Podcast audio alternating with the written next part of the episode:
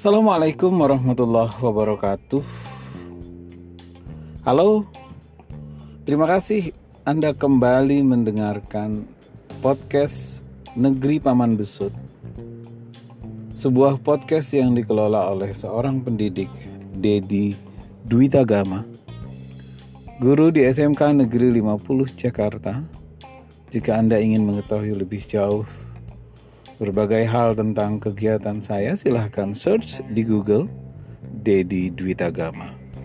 Jakarta 11 September 2020 Hari ini saya ingin berbicara tentang pendidikan jarak jauh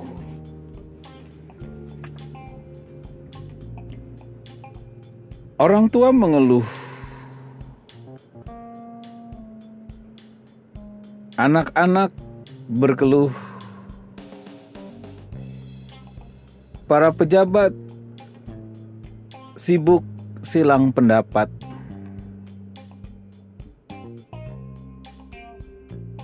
Efektifkah pendidikan jarak jauh? Jelas tidak. Khususnya buat anak-anak TK, SD, SMP, SMA, SMK, bahkan sampai perguruan tinggi. Karena sesungguhnya pendidikan itu adalah proses pembelajaran proses mengulang-ulang proses mengamati proses menikmati, menerapkan berbagai hal, dan untuk orang-orang tua yang sadar akan pendidikan, mereka rela mengirimkan anaknya jauh hingga ribuan kilometer. Bahkan dengan penerbangan belasan jam lintas benua untuk mendidik anak-anaknya mempelajari ilmu pengetahuan, mempelajari bahasa di lokasi di mana mereka belajar, belajar budaya tentang tempat di mana mereka belajar. Sebenarnya bukan hanya ijazah yang di capai. Bukan cuma ijazah yang diperoleh, tapi dari mulai bahasa, budaya, sikap hidup, etos kerja, selama mereka berada di lokasi mereka belajar, itulah sesungguhnya pendidikan. Jadi memang pendidikan anak-anak harus bersekolah berjumpa dengan guru, berinteraksi dengan guru, berinteraksi dengan teman-teman, berinteraksi dengan masyarakat di sekitar kampus, di sekitar sekolahnya.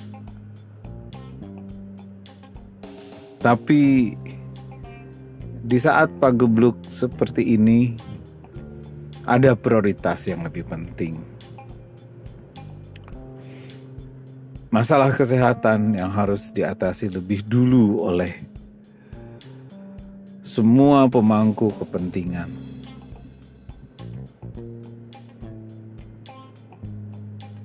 Tidak mudah memang pemerintah untuk mengambil keputusan melaksanakan tindakan ini, tindakan itu. Sementara rakyat negeri ini yang begitu banyak dengan kondisi yang beraneka rupa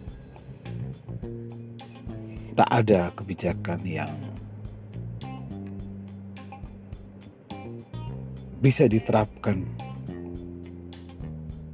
dan berdampak positif langsung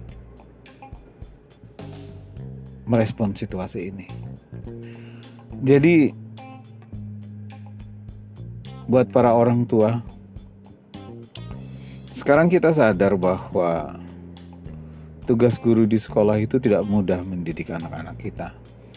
Jadi kalau selama ini Anda yang sering protes, guru keras sedikit, mencubit, membentak, kemudian Anda orang tua sakit hati dan lapor polisi.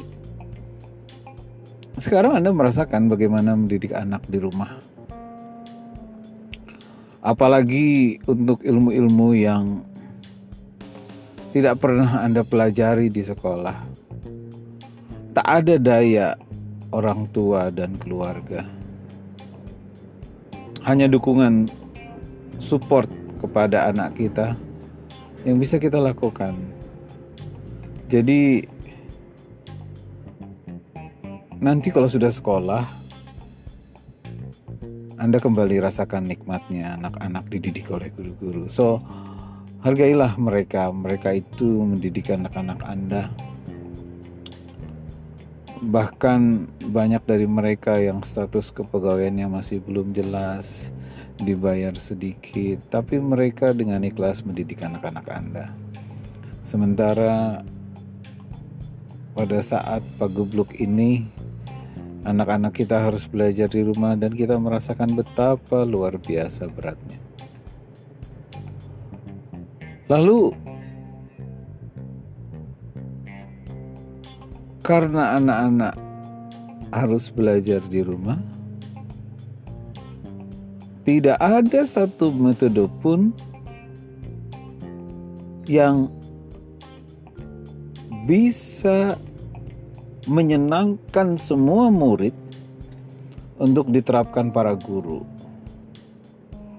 Apalagi guru-guru itu di bukan cuma di Indonesia, tapi guru-guru itu di dunia termasuk di negeri Paman Besut itu tidak ada yang dididik untuk menjadi guru di era pagebluk seperti ini. Jadi ini situasi yang luar biasa. Oleh sebab itu buat anak-anak yang masih bersekolah nggak enak memang nak situasinya. Tapi kamu akan punya pengalaman hidup yang luar biasa. Ketika kamu muda saat kamu bersekolah, dunia mengalami situasi yang luar biasa dan itu bisa jadi referensi untuk kehidupanmu mendatang. So, nikmatin aja semua interaksi dengan Bapak Ibu guru. Jalani kerjakan semua tugas-tugas kalau ada hambatan, ceritakan baik-baik kepada guru-gurumu, mereka akan mengerti. Karena bukan cuma kamu yang kesulitan akses internet, kesulitan kuota. Bapak Ibu guru juga banyak yang kesulitan akses internet di rumahnya. Mereka tak punya kuota internet yang cukup dan berbagai hal. Jadi bukan cuma murid tapi guru dan sekolah juga mengalami kesulitan. Demikian podcast kali ini. Sampai jumpa di podcast berikutnya. Terima kasih. Assalamualaikum warahmatullahi wabarakatuh.